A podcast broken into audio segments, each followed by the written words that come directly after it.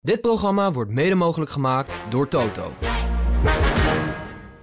In deze aflevering van Formule 1 aan tafel. Nou, of het is heel stupide. Dat kan Ja, dat Dat, je kan, niet naar buiten brengt omdat het zo dom is. Ja. Dat, hij dus uiteindelijk, dat blijkt dat hij bij het masturberen het pols gebroken heeft. Of zo. Ja. Dat soort dingen. Maar allebei? Ja, jij is het toppunt van masochisme jezelf ondersteboven trekken. Moet er al een apparaat zijn dan? Ja, Dit en nog veel meer in het komende half uur. Formule 1 aan tafel wordt mede mogelijk gemaakt door Jacks Casino en Sports. Hallo iedereen, eh, Max Verstappen hier, wereldkampioen Formule 1 en je luistert naar Grand Prix Radio. De testdagen zijn achter de rug en het seizoen kan van start. Max Verstappen is erg blij met de testen, Mercedes niet en is Nick de Vries er klaar voor. En je maakt ook in deze aflevering kans op een volle tank brandstof voor je auto, een Flitsmeister 2 en een officiële fles Ferrari Formule 1 champagne. Welkom bij aflevering 9, jaargang 5 van Nederlands grootste met een radioring bekroonde Formule 1 podcast vanuit de Harbor Club in Vinkenveen. Ik ben Rachid Finch en dit is Formule 1 aan tafel.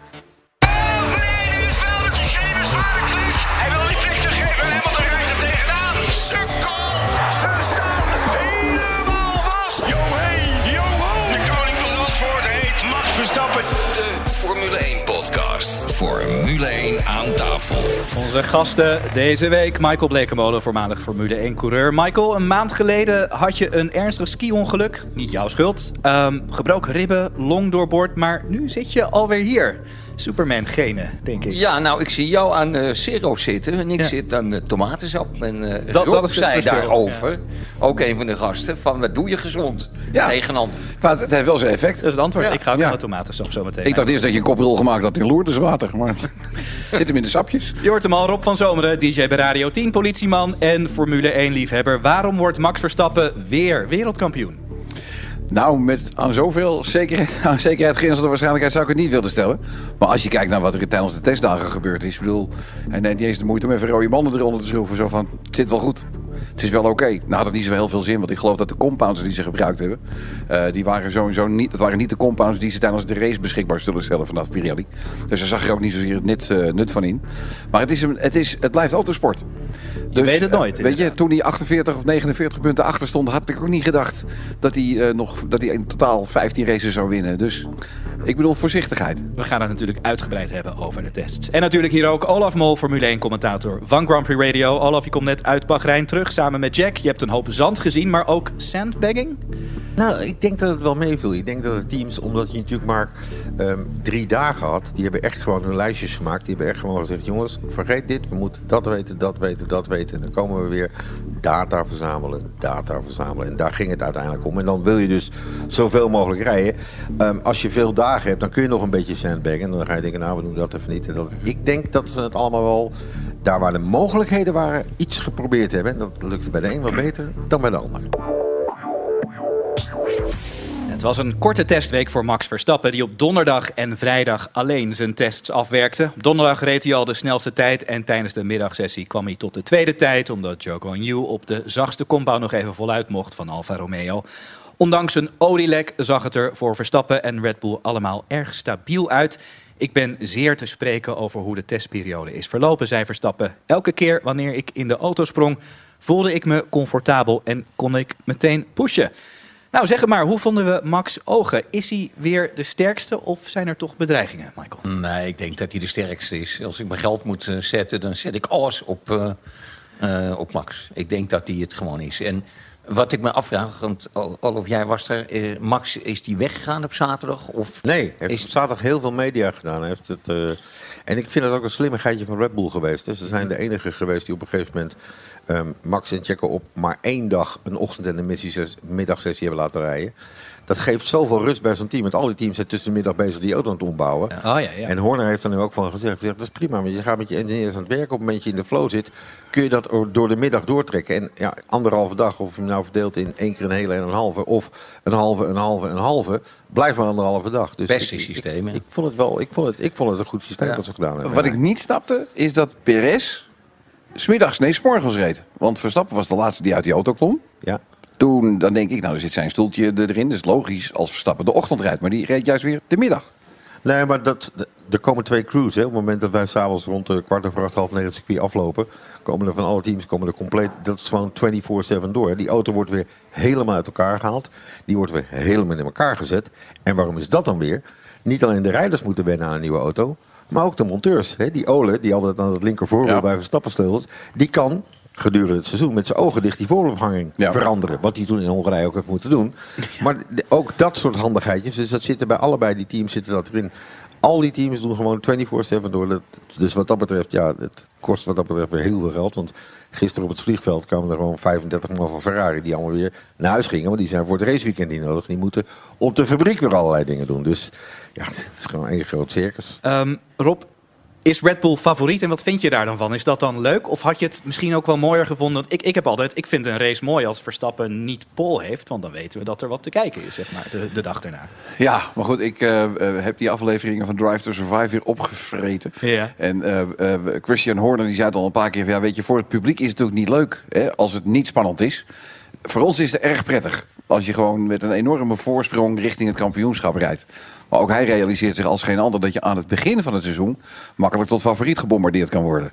Maar hoe gaat het tijdens het seizoen? Ja, dat is En, en dat, blijft, dat blijft onvoorspelbaar. En Ferrari dan eh, waarschijnlijk de grootste uitdager van Red Bull. Al zijn ze daar toch, ja, lijkt wel een beetje onder de indruk van de snelheid van de RB19. Is, is de angst in Italië terecht voor die snelle Red Bull? Nou, wat de? Ferrari op dit moment heeft, is weer een surplus. Prachtig woord. Mooi, mooi, aan topsnelheid. En dat is weer zo bijzonder. Het ding vreet zijn achterbanden op. En eh, of ze ervoor gekozen hebben om te kijken hoe ze zitten met hun topsnelheden.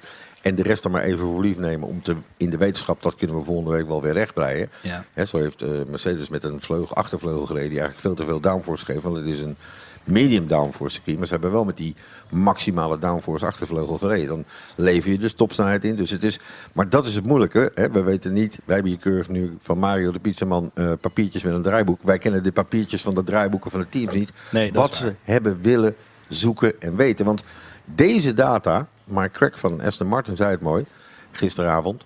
24-7 tot aan volgende week donderdag, dus deze week donderdag. 24-7 gaan ze nu de data analyseren, omdat ze er eigenlijk het grootste deel van het seizoen ook mee moeten doen. Dus ze hebben allerlei dingen onderzocht. En ja, de, een komt er beter af dan de ander. Maar ik denk dat Ferrari. De pole positions zullen misschien wel weer makkelijker bij Ferrari terechtkomen dan bij Red Bull. Ja, misschien is dat wel die vorm van sandbagging geweest. Dat, Ferrari denkt kunnen, van, laat de hele wereld maar denken dat onze achterbanden opgevroten worden. Of ze hebben in ieder geval een auto gebouwd waarmee ze Monza dan hopelijk kunnen winnen voor hen. Dat, eh, dat Anders wordt het weer een teleurstelling. Nou, dan hebben we dus Red Bull en eh, Ferrari besproken. Daarachter eh Mercedes, een beetje zoals vorig jaar. En eh, toch wel de verrassing, eh, Aston Martin. Eh, Head of Trackside Engineering Andrew Chauvelin bij Mercedes gaf aan dat het bij George Russell een hydraulisch probleem was, waardoor ze stilvielen. Eh, maar er was op een gegeven moment ook een vijftiende tijd van Hamilton op de vrijdag. En dat begrijpen ze dan niet zo goed hoe dat komt. Hoe dat komt. Eh, er lopen nu wat onderzoeken om erachter te komen waarom het nu zo'n uitdaging was, zegt Chauvelin, terwijl de donderdag redelijk soepel verliep. Dus eh, ja, ook daar waarschijnlijk eh, 24-7 eh, aan de slag om onderzoek te doen. Maar eh, Michael, kun je zulke problemen wel snel verhelpen? Of- Ja, of- en als ik, eh, u hoort het net al, ze gaan vijf dagen de data bekijken. Dus ze komen overal wel achter wat het natuurlijk is. Ja. En heel mooi dat die Aston Martin natuurlijk een beetje aansluiting krijgt. Nou, dat, dat is dan ook voor de fans denk ik leuk. Want met Aston Martin hebben we dus Fernando Alonso misschien wel vooraan in het veld. Wat denk jij Rob? Gaat hij dat, eh, gaat hij dat waarmaken? Nou, als het aan de fighting spirit van Fernando ligt, dan zal hij zeker vooraan staan. En sterker nog, dan wordt hij wereldkampioen. Maar zo simpel ligt het niet. Het is nooit zo makkelijk in. Dat betekent dus wel waarschijnlijk dat we Hamilton en Alonso dichter bij elkaar zouden Nou zien. ja, het zou leuker zijn als het hele veld een beetje in elkaar eh, schuift. Ja. Maar waar ik wel benieuwd naar ben is dat, eh, en misschien, misschien weet jij dat, ehm, waarom lukt het Mercedes niet om minstens zeg maar, de positie van Ferrari te hebben? Want ik denk dat dat wel het doel was om Ja, in dat ieder geval in de buurt van die Red Bull Dat te is een zitten. probleem natuurlijk. Je ontwerpt een motor, je maakt een auto. En daar kan natuurlijk ergens gewoon een dingetje in zitten... wat een half secondetje te weinig is. En daar kom je dus ook niet meer zomaar overheen. Hè. Dan kun je nog wel een ander vleugeltje doen. Maar het is moeilijk om dat, om dat te vinden. Is dat denk je Olaf gewoon nog een gevolg van de achterstand van vorig jaar? Dat er gewoon ja, meer tijd nodig is om zo'n achterstand in te lopen? Nou, wat ze, vorig, jaar- ze hadden vorig jaar natuurlijk met het concept wat ze hebben door die zero pots, door, het zo raar te doen daar, hadden ze vorig jaar die purposing problemen. Nou, die vloeren zijn anderhalve eh, centimeter omhoog gekomen. Ik heb begrepen zelfs dat Ferrari, eh, om het purpose het probleem te hebben, no- nog meer wagenhoogte heeft gestoken. Waardoor de problemen die wij hebben gezien eh, weer komen. Dan kunnen ze volgende week met me spelen, maar dan zou het purpose weer terug kunnen komen. Want Ja. die auto was nog wel stevig. En wat je eigenlijk ziet bij, eh, bij Mercedes is natuurlijk dat ze vanaf die absolute dominantie. Want in wezen motortechnisch is er van eh, eh, 2020, 21 naar 22 is er motortechnisch niet zoveel veranderd. En ze hadden natuurlijk een berenmotor, maar dan zie je dus hoe langer dat blijft, hoe dichter bij de rest kan komen. Ja. En dus is het nu allemaal chassis gerelateerd. En, en dat is dus waar ze een heel ander concept hebben gekozen dan de anderen. Ze hebben daar dus aan vastgehouden. Dat vind ik ook alweer bijzonder. En ja, ga dan maar eens weer rechtbreien. En die golfbeweging kennen we natuurlijk uit de wereld van de Formule 1. Hè. We hebben de, eh, we gaan naar 90 jaar, de dominante Williams-jaren gehad. En toen kwamen de dominante Ferrari-jaren. En toen kwamen de dominante Red Bull-jaren. En toen kwamen de lange dominante Mercedes-jaren. En ja, als je nu in, in, die, in die neerwaartse spiraal zit, voordat je uit die kuil bent. En Verstappen is natuurlijk bij Red Bull Racing ingestapt op het moment dat ze net die kuil gehad hadden. Ja. En daardoor zijn ze nu samen doorgroeien. Ja, maar ik denk, dat heeft ook te maken Goed met... ja, zeker. mooi, mooi, mooi. Ja, je ja. slaat één dingetje over, dat is geen terechtwijzing. Toen waren er geen budgetcaps. Het voelt als een Dus terechtwijzing. je kon er geld in pompen zoveel je wilde. Ook. En, Oh, ja, ja. en nu zal je binnen die marges moeten blijven van die En budgetcaps. zeg je dan ook, Aston Martin is altijd goed geweest in efficiënt geld uitgeven. En Mercedes, die zijn er niet goed in, want die hoefden dat nooit. Nou ja, die hadden in ieder geval veel meer geld te spenderen. Ja. Weet je, wel, die, die kleinere teams die moesten altijd al misschien bol te werken met een veel kleiner budget. Die kwamen budget. niet uit aan het bedrag. Nee, absoluut niet. En Mercedes kon erin pompen wat ze wilden. Dus die zeven jaren van absolute dominantie had ook gewoon met geld te maken. Voorbeeldje. Hm? 2017 gaf Mercedes in dat kampioenschapsjaar 364 miljoen uit. Dat is dus bijna 1 miljoen per dag. Ook als er niet gereisd wordt. Ja, inderdaad. Nou, we hebben nu voorin gekeken. Misschien kunnen we naar de achterkant van de top 10 gaan. Eh, wie verwachten we, ja, wie neemt de rode lantaarn van Latifi over? Blijft hij bij Williams? Dat blijft niet bij Williams. Nee, denk ik ook niet. Nee, nee, zeker niet. Dus, maar wie dan wel? Als Williams naar voren gaat. Ja, dat zal er ook mee te maken hebben. Kijk, ik bedoel, krijgt McLaren het lek boven. Ja. Weet je, en, en zo dicht, wat Michel ook zegt, bedoel, je kan net iets vinden wat dan kennelijk wel de oplossing is. In vergelijking tot wat je met de testdagen hebt meegemaakt door het analyseren van de data en, en noem maar op. Maar als je een probleem hebt wat gewoon echt constructief is, Ja. ja, dat los je niet 1, 2, 3 op. Dat Ze hebben we ook Mercedes dus- gezien. Het probleem wat ze hadden was, was dat die wheel fairings, die, die, die dingen die over de voorwielen heen buigen, dat, ja, dat, is een, dat is een minor probleem en dat kunnen we zo oplossen. Ik denk, ja, dat is leuk dat je het een minor probleem noemt. Ja. Maar als je er twee uur door stilstaat, mis je dus twee uur data. En daarmee wordt het een groot probleem. Dat is natuurlijk Ja. het nadeel van, van dit testen. Wat ze zelf hebben gezegd is dat ze vorig jaar in het gevecht met Alpine zo lang hebben doorzitten jagen op deze auto. Dat ze dus on the back foot achteraan, eh, eh, meer achterin begonnen waren. Maar het gezicht van Lennon Norris sprak door boekdelen. Die liep daar echt zo serieus zag aan de rond van de dingen gaat gewoon niet. Maar is dit dus de verwachting hier aan tafel? Dat McLaren eh, het langzaamste team is Nee. waarschijnlijk in Bahrein? Nee, ik, dit denk, ik denk dat we van het woord midfield af gaan raken. Ik denk dat je de top 3 krijgt. En misschien Ja. laten we het even top 4 noemen. Want ik denk dat Mercedes en Aston wat dat betreft op dit moment heel dicht bij elkaar liggen. Ja, Dat misschien Alpine daar dan wel vrij dicht achter zit. En al die anderen daarna, denk ik, tot en met... Ja. Dat, dat zal dus vroeger was dat heel duidelijk eh, Haas en Williams achteraan. Ja. En dan had je midfield. Ja. Ik denk dat dat voorbij is. team, ja, dat wordt weer een, eh, eigenlijk eh, de B-klasse. Het is wel mooi dat we dan twee klasses hebben in plaats, eh, in plaats van drie. Eh, nou ja, dan Nick de Vries. Die heeft na zijn wintertest aangegeven klaar te zijn voor het seizoen. Hij reed op de laatste ochtend het meest aantal rondes van iedereen. 87 in die sessie. Hij zei, ik voel me goed, ben er klaar voor. We hebben veel kunnen uitvinden en testen. Maar er is ook nog wel werk aan de winkel. En eh, wat we begrepen, en Olaf, jij was natuurlijk in Bahrein... is dat eh, er verhalen rondgingen dat eh Nick erg goed is in het geven van feedback over de auto. Is, is dat inderdaad zo? Is dat ook wat jij gehoord hebt? Nou, mijn gevoel zegt dat elke rijder die zich lekker voelt en zelfvertrouwen tankt in een auto, zal makkelijker uitspreken wat hij voelt. En op het moment dat je wat onzeker bent, ik noem maar even een, een voorbeeld. Stel dat je in, die, in zo'n ochtendsessie ook drie keer spint, dan heb je eigenlijk minder recht om te zeggen hoe het zit. Of drie Ja, rijdersfouten precies. maakt. Ja. Die heeft hij niet gemaakt. De huidige auto's zijn natuurlijk wat dat betreft ook stabiel zo goed met die neerwaartse druk. We hebben in alle drie die testdagen één auto zien spinnen. Was Carpiastri. Ja. Dat was, vroeger was dat scheren en inslag. Guido van der Garde stond in Barcelona drie keer per dag achterstevoren in de grindbak. En eh, over anderen maar niet te spreken. Is niet, niet om Guido eh, te bestje daar niet van. Maar het schiet toevallig in mijn hoofd. Omdat ik Ja. daar toevallig zie gaan. Dus zelfvertrouwen is een dingetje. En hij heeft het gewoon goed gedaan. Dat is simpel zat. Is het eigenlijk mogelijk dat Ehm, ja, er, er is natuurlijk niet een formele teamcaptain bij elk team. Maar er wordt van Tsunoda verwacht dat hij het team draagt. Omdat hij nou eenmaal aan zijn derde seizoen begint. Kan het niet zijn dat Nick dat snel overneemt? Dat, Juist eh, omdat hij ouder is. Ja, absoluut. Dat hangt natuurlijk eh, eigenlijk een beetje van de eerste training af volgende week. Ja. Eh, en de qualifying, dat is, eh, ja, dat is zo'n eikpunt. Ja, over het algemeen is dat een redelijk natuurlijk proces. dat En dat dan is kan je, waar, kan wel ja. vanaf de zijlijn roepen, nog erger als je in de berg hier hangt. Van ik ben de leider van het team. Ja. Maar dat, eh, dat gaat, de resultaten zichzelf wel be- laten zich bewijzen. En Toost en Helmut Marko hebben vorig jaar in Japan al geroepen dat ze verwachten dat Nick de teamleader wordt. En dat vond ik ook wel een dingetje. Denk, nou, dat is lekker. Die leggen de druk, die leggen de lat niet zo hoog wat dat betreft. Want het zou normaal zijn dat Yuki dat is. Maar te- die moet je eerst te grazen nemen. hè. Daar gaat het om. Dat weet je allemaal. Je teamgenoot, die moet je Ja. pakken. Dus dat is de eerste truc die, eh, die Nick moet doen. En waar die auto dan staat, dat maakt niet uit als hij van Alfa Tauri maar de voorste van die auto's is.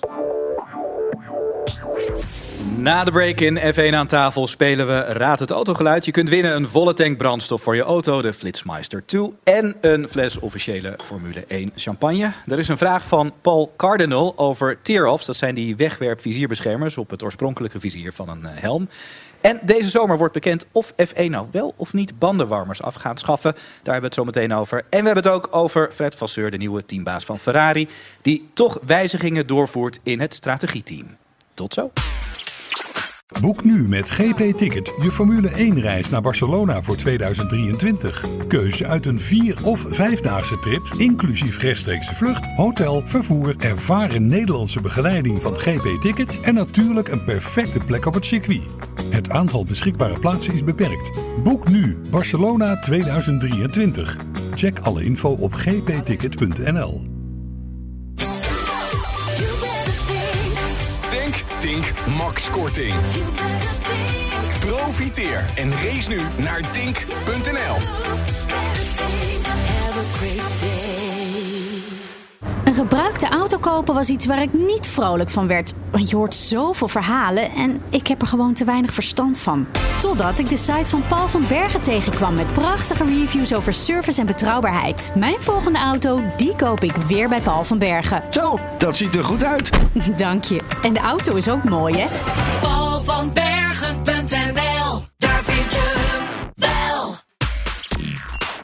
Welkom terug bij de grootste Formule 1-podcast van Nederland. Dit is Formule 1 aan tafel. Er is een vraag binnengekomen van een luisteraar. Paul, deze week eh, binnengekomen via het e-mailadres f1 aan. En wat vraagt hij dan? Waarom verplichten ze de F1-teams niet de tear-offs na het afnemen door de coureur mee te nemen in de cockpit? Want er is al best wat misgegaan met rondwaaiende tear-offs, veel kapot gegaan. Het kan natuurlijk ook gevaarlijk zijn. In de F1 hebben ze zoveel technische hoogstandjes, zegt Paul. En hier moet toch wel iets simpels op te verzinnen zijn. En dan ook nog de vraag, zijn er afspraken zodat je kunt voorkomen dat een coureur een tear-off weggooit met een eh, opponent achter zich? Ja, wat zijn echt de regels daarvoor, Michel? Is er ook een soort gentleman's agreement over hoe je daarmee omgaat? Nou, ik zie eh, Olaf zijn eh, eh, vingertje omhoog steken. Dus die is eigenlijk aan beurt. Ja. Dat weet toch iedereen? Artikel 1.3, chapter 3 van appendix 11 Dat was ik van de International ja. Sporting Code. Dat weet toch echt iedereen? nee, maar die heb ik hier op mijn telefoon staan. Daar is een afspraak over gemaakt. Oh ja? In 2016. eh, en daar stond dan bij, en dan komt hij weer. eh, enige tear-off eh, attached to devices may not be thrown unnecessarily on the track or in the pit lane. En dan is het woord natuurlijk unnecessarily. Want ja, Ja. wat is noodzakelijk en wat is niet noodzakelijk? Ja. Nou, eh, onze lieve vriend Charlie Whiting, die toen nog leefde, die was erbij. En die zei eigenlijk vrij snel nadat die regel er kwam... hij zegt, ja jongens, allemaal leuk en aardig... Maar ik denk dat het gevaarlijker is. Want toen hadden teams aan de binnenkant een stukje dubbelzijdig tape. Ik denk dat het gevaarlijker is dat een coureur bij 300 dat ding eraf trekt. En met één hand probeert in zijn cockpit te plakken. Ja. En dus is die regel geschrapt. En is het nu eh, gewoon een kwestie van, ja, je weet dat je het, dat je het moet doen af en toe. Ja. En het gaat zoals het gaat. En de ene keer komt hij bij jou in je breakdip terecht. En de andere keer bij een ander. Maar ze zijn heel flinterdun en het Ja, snelt heel als, snel weg. als hij goed in het uh, airfiltertje terechtkomt, is dat Ja. natuurlijk wel heel vervelend. Ja. Ja, maar dat, Zou iemand dat ooit geprobeerd hebben om een tear-off gewoon eraf te doen als iemand in de DRS zat? Om te hopen dat hij dan... eh, eh, door alle lucht, luchtlagen achter, dat heb je geen idee waar die terecht komt. Ik Dus denk, al kan, je, kan je nog zo goed mikken. Ik geloof Ja. niet dat je dat voor elkaar krijgt. Nee, nee, nee. je En daarbij even, eh, even mijn agentenpet op. Het is een milieudelict. Bij mij gaan ze aan de kant. Oh ja, dat snap ik. Ja, ja. ja, ja. Dat zijn flinke boetes die ze daarover uit. Dames en heren, een track invasion. eh eh, Rob neemt, zit. eh, neemt witte Audi baan opgaan? Excuse me. Nou, als je ook een vraag hebt aan ons, mail naar f1 aan tafel at grandprixradio.nl en dan hoor je hem wellicht terug in de volgende podcast. De teams, de FIA en Formula One Management gaan uiterlijk deze zomer beslissen of ze nou wel of niet de bandenwarmers gaan afschaffen. De wil is er al langer bij de FOM, Formula One Management dus, maar die beslissing wordt dus al een tijdje uitgesteld. Er moet namelijk eerst worden onderzocht hoe de banden op die plotselinge temperatuurverschillen reageren en dus ook op de bandendruk. Volgens Pirelli-chef Mario Isola, die al langer met de onderzoeken naar nieuwe banden voor deze e- eventuele maatregel bezig is, wordt er deze zomer gestemd als de FIA het er ook mee eens. Na de race op Silverstone hebben we een tweedaagse test, zei Isola. Het idee is dat we na Silverstone alle data analyseren en de situatie met teams, de FIA en Formule 1 gaan bekijken. En dan wordt dus besloten of het mogelijk is om dat voor 2024 in te voeren of dat dat misschien nog wat later moet. Het recent bijgewerkte Formule 1-reglement schrijft voor dat er uiterlijk 31 juli gestemd moet worden. Michel, kun je eigenlijk aangeven wat het wel of niet gebruiken van bandenwarmers... Ja, voor Eh, om een voorbeeld te geven, ik race wel eens weg, ik rijd weg met een bandenspanning Ja. van 0,7. Oké. En die loopt op naar 1,82. Mhm. Ik moet in de eerste paar bochten moet ik zo voorzichtig doen, want anders draait mijn velg harder dan mijn band. Juist. Of andersom.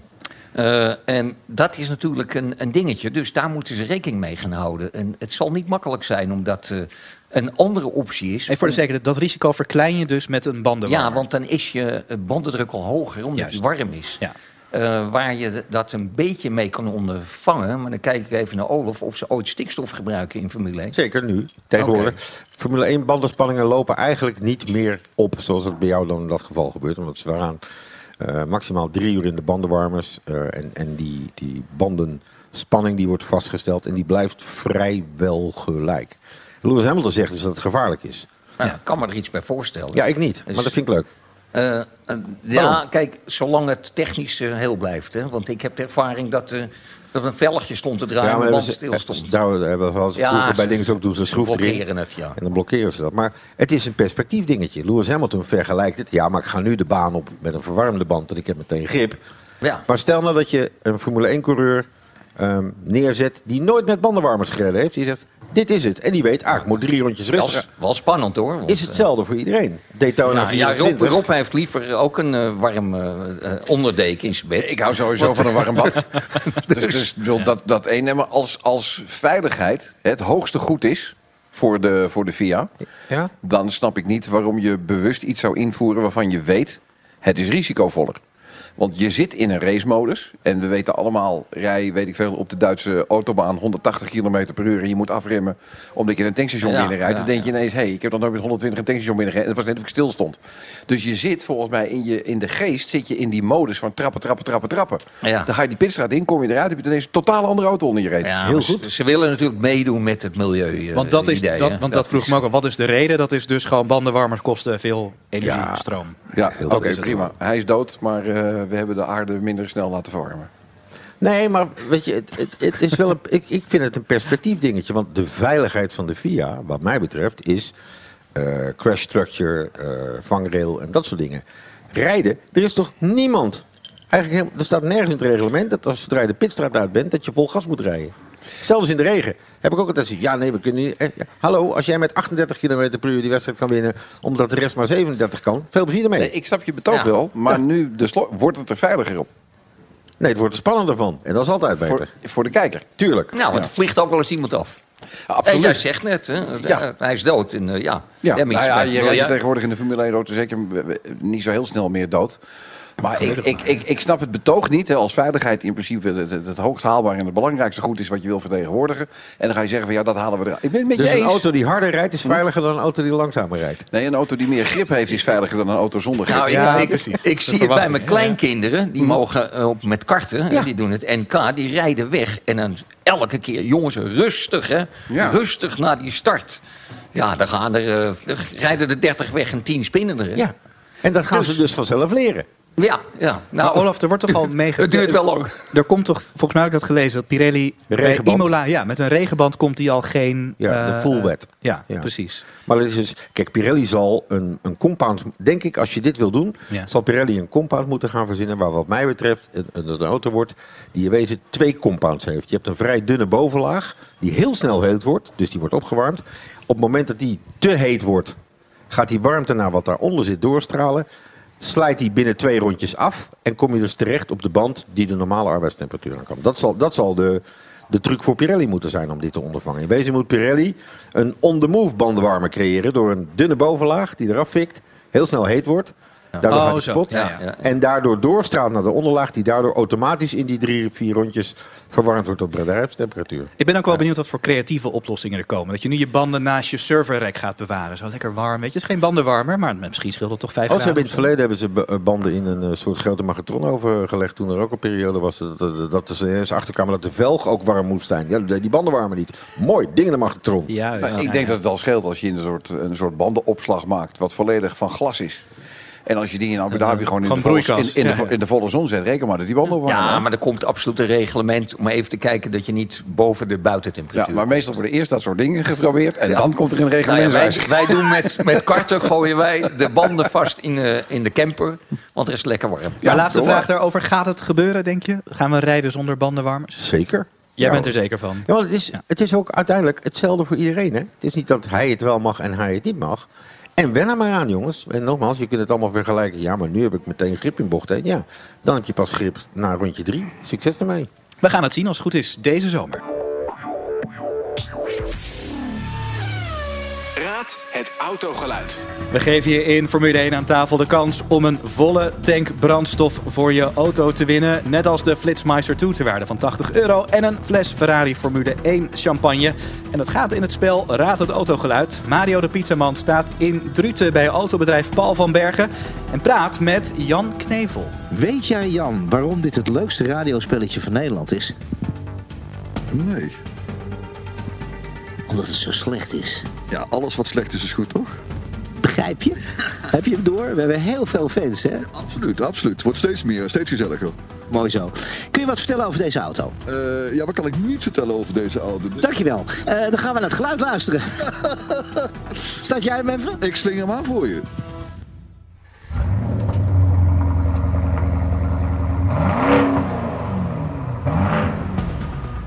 Word hier altijd zo blij van. Een echt geluidje. Heerlijk, zo'n dikke achtcilinder. En ja, de mensen denken natuurlijk, het zal wel weer zo'n circuit raceauto zijn. Nee, het is gewoon een heerlijke familieauto. Ik zeg, eh huppakee, gas erop. Strik eromheen en meenemen. Waar vinden we deze auto? Deze vinden we op www.paulvanbergen.nl. Ja, daar vind je hem wel. Gewoon een nieuw reclamespotje. Ja, lekker hè? Klinkt goed. Ja, iedereen eh, zingt het mee. Het is gewoon één groot feest. Dankjewel. Tot volgende week, hè? You're welcome. Nou, weet jij van welke auto je zojuist het geluid hoorde? Stuur je antwoord naar F1 aan tafel. De winnaar van vorige week is Tara Steger, want die raadde dat dat het geluid was van een Mercedes-Benz E200 Cabrio. Veel rijplezier met je gratis volle tank brandstof voor je auto bij Tink. En ook de Flitsmeister 2 te waarde van 80 euro die altijd aanstaat als je gaat rijden. En natuurlijk die officiële fles Ferrari Formule 1 champagne. We hebben het wel vaker gehad over de strategische missers bij Ferrari. De nieuwe teambaas daar, Frederik Vasseur, had aangegeven te onderzoeken, maar hij zou zich niet op individuen focussen. Maar nu schijnen er toch mensen op een andere plaats neergezet te zijn. In het geruchtencircuit gaat rond dat Chief Strategy Inaki Rueda plaats heeft moeten maken en weer een rol krijgt in de fabriek en Ravengin zijn plek inneemt. Ook schijnt Vasseur een andere taakverdeling voor hem en Ferrari Race Director Laurent Mekies gemaakt te hebben. Mekies gaat zich dan alleen bemoeien met het operationele aspect van het team en Vasseur bemoeit zich met de coureurs, de sponsors en de media. Hij zou dus niet te veel wijzigingen doorvoeren, maar ja, het lijkt toch op een soort schoon schip, of niet? Ja, dat moet ook wel. Ik bedoel, er zitten nog altijd vier wielen onder die auto. Op een gegeven moment komen ze met drie aanlopen. Dus ik denk dat daar wel iets, eh, iets fa- eh, valikant fout ging. En we hebben natuurlijk meer strategische fouten gezien. Mhm. Dus die operationele man moet eens een keer eh, wakker geschud worden. Ja. Die wordt dus ook vervangen. Ja, dus ik denk dat dat een goed ding is. Tegelijkertijd, want dat is, al, dat is altijd, denk ik, bij dit soort teams het probleem van... ga je vertrouwen houden in de mensen, zodat er geen angstcultuur is? Een beetje een soort de Toto Wolff-doctrine. Versus Ferrari, waarbij ja, om de zoveel tijd mensen vervangen worden... iedereen bang is dat ze hun baan verliezen. eh, en misschien daardoor niet eh, op hun best presteren. Nee, ik denk denk dat, ik denk dat Vasseur juist heel goed doet. Ook door dit aan te geven dat het sportieve deel bij Laurent terechtkomt. Dat hij die andere dingen oppakt. Hij is een gozer die is makkelijk benaderbaar. Mhm. Het was meteen duidelijk dat hij eh, relatief maling had aan het Ferrari-protocol. Want wat was zichtbaar in Bahrein? En je denkt het gaat nergens om, maar het zegt zoveel. Hij loopt gewoon met zijn shirt uit zijn broek. En dat deed niemand bij Ferrari. Dat mag niet, eigenlijk. Of was niet de bedoeling. Dat deed niemand bij Ferrari. En hij doet het gewoon. Hij loopt gewoon met zijn shirt uit zijn broek. Hij heeft de maling aan. En zo zit zo'n vent is eh eh, Vasseur ook wel. En dat hij natuurlijk heel verstandig is om die, eh, die tactische jongen te vervangen. Ja, dat is slim. Nieuw, nieuw bloed gewoon, weet je. Dus die man die, die, die zat er al eh, tegen jaar. En, ja, hup, vers Nou ja, beeld, we vers doen, nou net, we doen nou net of er vorig seizoen tactische fouten zijn gemaakt bij Ferrari. Kijk dan, op de achterkant van de telefoon over Blekenmolen. Ja, ja, dat, eh, dat, dat, maar, ja, je, voor de mensen, Sorry, jongens, dat, ik dat weet kunnen dat jullie, dat kunnen jullie thuis niet zal zien, dat maar op de video laten zien. Ja, ja, dat is Mi- mooi. Michel die heeft een keurige Ferrari-cover op zijn op zijn iPhone. Ja. Het was ooit mijn droom om bij Ferrari terechtgekomen, maar ja. Nu, Oh. met na al deze strategische blunders wil je daar niet meer rijden, zeg. Nee, Dat liedje hebben dus niet. nog gevraagd. Van En dat liedje ken je dus niet. De meeste dromen zijn bedrog. Eh, we moeten het nog even hebben over Lance Stroll. Die was er namelijk niet bij bij de tests. eh, want hij had bij een fietsrit een eh, polsblessure opgelopen. Hij is in Barcelona geopereerd aan een polsbreuk. Felipe Drugovic gaat zijn debuut maken waarschijnlijk volgende week tenminste. Als Stroll er niet bij is. Ja, lekker begin weer, of niet? Ja, ongeluk zit in een klein hoekje. Nee, Mies? dus dus eh, het verhaal is eerst dat hij één pols gebroken. Later zou het om beide polsen... We weten, eh, het, we weten het allemaal niet. Het is wel raar dat het niet naar buiten gebracht wordt. ja, door- dan denk ik altijd, er is meer. Ja. Want anders zeg je gewoon van, nou, dit is er aan de hand. Nou, en, het is heel stupide. Dat kan Ja, ook. dat Dat, je kan, niet naar buiten brengt omdat het zo dom is. Ja. Dat, hij dus uiteindelijk, dat blijkt dat hij bij het masturberen zijn pols gebroken heeft. of Zo. Ja. Dat soort dingen. Maar allebei? Ja, jij is het toppunt van masochisme jezelf ondersteboven trekken. Moet er al een apparaat zijn dan? Ja, eh, nee, nee. Heb je gezien hoe groot hoofd hij heeft? Ja, dat is waar. Als dat een voorbode is. Nee, de maar dan moet hij basis- uit die Het auto. is is het zwaar. grensoverschrijdend. De, de, basis, de basisvraag voor mij is, als je vlak voor het seizoen fit wilt worden... waarom ga je dan op de openbare weg fietsen... en waarom pak je dan niet gewoon een home trainer? Want dus fietsen in Spanje is levensgevaarlijk. We, we, we kennen allemaal de berichten. Ik woon in Kalpen, daar word je af en toe helemaal wappie. Ja. Want al, in de winter zijn al die teams daar... En als je van eh, eh, Kalpen naar de snelweg moet en er zit een fietsteam voor je... dan doe je er gewoon een kwartier langer over. Tweebaanswegen allemaal is gevaarlijk. Tweebaanswegen. Worden regelmatig worden daar eh, fietsers Ook, maar ook professionele wielrenners die meisje, daar aan het trainen zijn. Ja, maar ik bedoel, het is levensgevaarlijk daar. Dus waarom zou je dat dan gaan doen vlak voor? Waarom doe je dat dan niet op een home trainer? Niet slim. En niet de eerste keer natuurlijk dat een coureur hier... hier En als je al niet zo'n goede coureur bent, dan moet je natuurlijk helemaal niet gaan fietsen. Dat is simpel. Had je het over Drugovic? Want die ken ik niet zo goed. Uh, Ehm, druk of fiets wel oké. ja? Ja. Wat, wat, wat kun je over hem vertellen? Nou, hij is, hij is in ieder geval eh, in, in zijn Formule 2 periode is hij eh, slim doorgegroeid. Hij heeft het eerste jaar relatief rustig aangedaan, wat speldenprikjes. Vorig jaar heel methodisch gewoon dat kampioenschap eh, binnengehaald. Precies genoeg daar doen, nooit, nooit iets te veel doen. En hij heeft één klein, heel klein voorbeeldje, voordeeltje heeft hij. eh Braziliaan. En de Braziliaanse televisiemarkt is 25 miljoen tv-kijkers per wedstrijd. Ah, dus dat vindt meneer Stroll senior wel dat leuk. is niet zo slecht. Ja, ja. Ken jij hem, Michel? Nee, ik ken hem niet. Oké, nou dan gaan we dat eh, gewoon zien volgende week.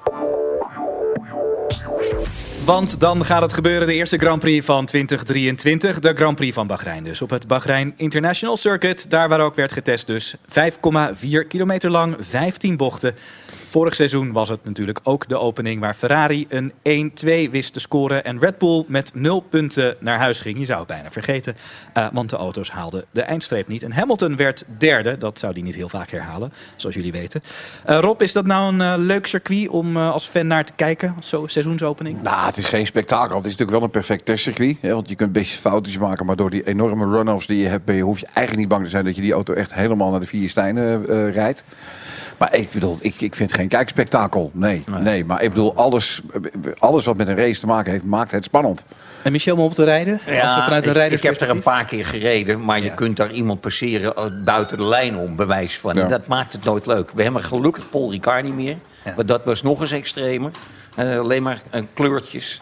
Maar ja, die, die oldschool circuits zijn allemaal beter, allemaal leuker. Maar wacht even, jullie zeggen wel geen spektakel. Maar als ik even naar vorig jaar denk. eh, eh, Leclerc, Verstappen, DRS, eerste bocht, tweede bocht. Nee, nee, ik eh, bedoel, het kan wel een spannende race zijn, maar dat Ja? heeft niet zoveel met, met de layout van het Oh, circuit Nee, te maken. Ik bedoel, op Paul Ricard kon ik zelfs mensen inhalen. Nou, geloof me, dat, dan, dan is het makkelijk. Geloof Het, mij leuk- nou maar. het, het leuke van de layout van Bahrein moet ik wel eh, toegeven, is dat bocht 1 en bocht 4, je kunt de bocht 1 dus iemand inhalen. Dan krijg je die slinger en dan heb je weer een lang stuk naar bocht 4. En dus heel vaak, als je hem net niet goed genoeg neelt en je komt er maar net voor bij het uitkomen van bocht 1, dan word je in bocht 4 weer. Hoeveel, eh, tussen- hoeveel DRS hebben we? In- Drie. Drie. Drie nu. Ja, drie. Ja, ja. Nou ja, Michel, zeg het maar. Kwalificatie, zaterdag. Ehm, Eh, voor durf je je te wagen aan Ja voorspelling? hoor, Ja? Max. En Pol, Max, teamgenootje, wordt Jij neemt risico's, hè. Godsamme. Jongen, jongen. Ja, wat- Oké, maar een 1-2 dus voor Red Ja, denk dus ik wel. Perez gaat het bijhouden Ja. dit seizoen. Eh, Olaf? Nou, het is wel opvallend dat, dat eh, zowel Perez als Max blij is met de auto. Want vorig jaar was eh, Perez blijer in het begin met de auto en Max blijer later. En ze schijnen dan nu een soort tussenvorm gevonden te hebben. Maar- Ik denk dat Leclerc gewoon pole position pakt. Want die is echt, die is, daar moeten we een beetje meer op gaan letten dit jaar. Die is over één rondje is hij wel echt, echt, echt heel speciaal. En Verstappen had ook vorig jaar wel de rust van, nou ja, als ik geen pole sta, sta ik tweede, dan win ik die wedstrijd nog wel. Dus als hij dat weer over zich houdt, want het gaat natuurlijk, op zaterdag wordt die race niet gewonnen. Dat is, dat is wat erin blijft. En Ferrari tikt lekker die pole positions af, maar op, Ja. zondag, eh, op zondag waren ze niet bij. Dus. En ik hoop dat eh, Fernando Alonso zich met dat ding meteen in de top 3 zet. En daar zal hij alles aan doen. Dus die kwalificatie, daar kijk, daar kijk ik echt nog heel erg naar uit. En Rob, zie je nog, verwacht je nog andere verrassingen op de zaterdag? Nee, ik, ik bedoel, ik denk bij de eerste race dat als de boel, echt eh, heel blijft bij Red Bull, dan denk ik dat dat wel de verwachte 1-2 positie is. Maar daarachter zou ik er echt niks. Kijk, die Ferraris die, die lopen wel hard. Maar de vorige keer ploften er wel een aantal motoren. Nou, laten we niet vergeten Dus- dat we nu dus over twee Nederlanders moeten hebben. Dus we denken Mhm. eh, Verstappen op Pol. En waar gaan we Nick de Vries zien? Punten. Punten. Maar ik durf niet. Niet op zaterdag natuurlijk, maar nee, gaat maar hij- wel top 10 denk ik zeker. Gaat die Q1 voorbij? Ja, als hij, Q2 als, hij, als hij Q2 haalt, denk ik dat het... Want dan moeten we eerlijk in zijn. Dat was vorig jaar voor Alfa Tauri ook regelmatig wel een probleem. Als hij gewoon steady Q2 kan halen... En misschien een keer met een paar mazzeltjes, maar dat is verderop. Maar eerst, eerste drie wedstrijden gewoon steady in de Q2. Doet hij niks verkeerd, zit je op de randje van de punten. Ja. Kun je daar wellicht nog wat doen op de zon. Want dat is, hij, is er eerst weer gewoon die, hij heeft natuurlijk de mazzel gehad. hij zijn allereerste Formule 1 race meteen punten aftikte. Ja. Ja. als hij dat bij Alfa Tauri ook doet, ja, Maar- dan, dan zet je een lijntje door. Zeker aan het begin van het seizoen hou hem heel en finish. Ja. Dat, dat, Dat is en dan, dan is eigenlijk, weet je, de rest de komt, komt dan wel in de loop van het seizoen. Ja, heren, we zijn alweer aan het eind van deze Gouden Radio Ring podcast gekomen. Dank jullie voor je aanwezigheid deze week. En mag jullie dus allen een fles officiële Formule 1 Ferrari Trento Doc aanbieden. Dus eh, geniet ervan. Wel weer anders dan zo'n zo'n tomatensapje. Volgende week zijn we er weer. Dan zitten hier Nicky Terpstra, Olaf Mol, Frans Verschuur en mijn Mattie Valk is dan ook weer terug. Dus dit was Formule 1 tafel deze week. Redactie Sjaak Beumer en Koen Bakker. Vormgeving en montage Marnix Westhuis. En draaiboek en productie Mario de Pizzaman. Ik ben Rachid Finch. Tot volgende week. De Formule 1 podcast. Formule 1 aan tafel. Moedig Max ook in 2023 samen met de Orange Army live aan. Vanaf de officiële Max Verstappen tribunes. Naast de welbekende tribunes op de circuits in Oostenrijk en België... is het aanbod bij Verstappen.com uitgebreid met de Grand Prix van Spanje. Er is een gelimiteerd aantal stoelen beschikbaar, dus boek snel je tickets. Verstappen.com is het enige en officiële verkoopkanaal van tickets voor de Max Verstappen tribunes. Eh, Rob, wat zien we hier? Nou, volgens mij, als mijn oog me niet bedriegt, is dit Wagyu beef. Is dat echt zo? Wacht even, Rob, doe even je ogen Je gaat, je gaat het toch niet met een of ander goedkoop pondje van de Albert Heijn afschepen, hoop ik, hè? Nee, nee, nee kruidvat. kruidvat. Vertel. Wij hebben hier als eerste de house steak, als, eh, de sucade steak, als biefstuk gebakken. Met erbij wat zoetzuur, gepofte knoflook en eh, wat chips. Dan hebben we daar sashimi van zalm en tonijn. Met een brioche broodje met een steak tartare erop, wat truffelmayo en een eh, takje groen. En we hebben een eh, sushi rol gemaakt, gevuld met California king crab. En als topping wat tonijn met spicy saus. Oeh, die zien er lekker uit, zeg. Dat zijn de crispy fried gambas met wat kimchi mayonaise en rode miso saus. En Oh ja. het komt er zo aan, er ligt ook nog wat bitterballetjes. Ook nog. Ik schrok al. Ik zat voor wie- te voor wie zouden die nou zijn? Ik zat al te zoeken, ik zat Ja, al te kijken. nee, die komen er nu aan. Jullie hebben het wel voor elkaar gekregen dat ik hier zo af en toe eens eh, een kleine pitstop maak om een uurtje of zes. Ja. Dus eh, Ziet er briljant uit, dankjewel. Had jij nou nog een, een stulpje in Groningen met scheur in de muur of niet? Nee, Heb je nee, nee, nee, nee. Ik ken Met wel heel veel, heel veel meer. Ik, ken alleen maar Groningers met scheurtjes in de muur. Oh jee. Want dat schijnt wel meerdere Groningers te zijn. eh Ja, die schijnt niet goed kunnen, kunnen boren. Ja, maar er schijnt, er schijnt ook iemand, iemand te zijn die steeds eh, zeg maar inhoud onder de bodem weghaalt. Nou ja. En daardoor, ja, heel raar. En dan wordt de boel een beetje instabiel. Het is heel, heel gek, maar het gebeurt, Maar, hè? eh, kijk, bij mij in de buurt zijn ook huizen gescheurd. Dus we moeten eerst eens kijken of het allemaal... wat- Ja, is het wel de NAM? Ja, maar dat, Is het wel de NAM? dat is de Amsterdamse waterleidingduinen. Dat is het water wat ze Oh, onder je huis ja. Maar weet je wat ik nou, weet ik nou zo mooi vind? Weet je, er is een parlementaire enquête geweest.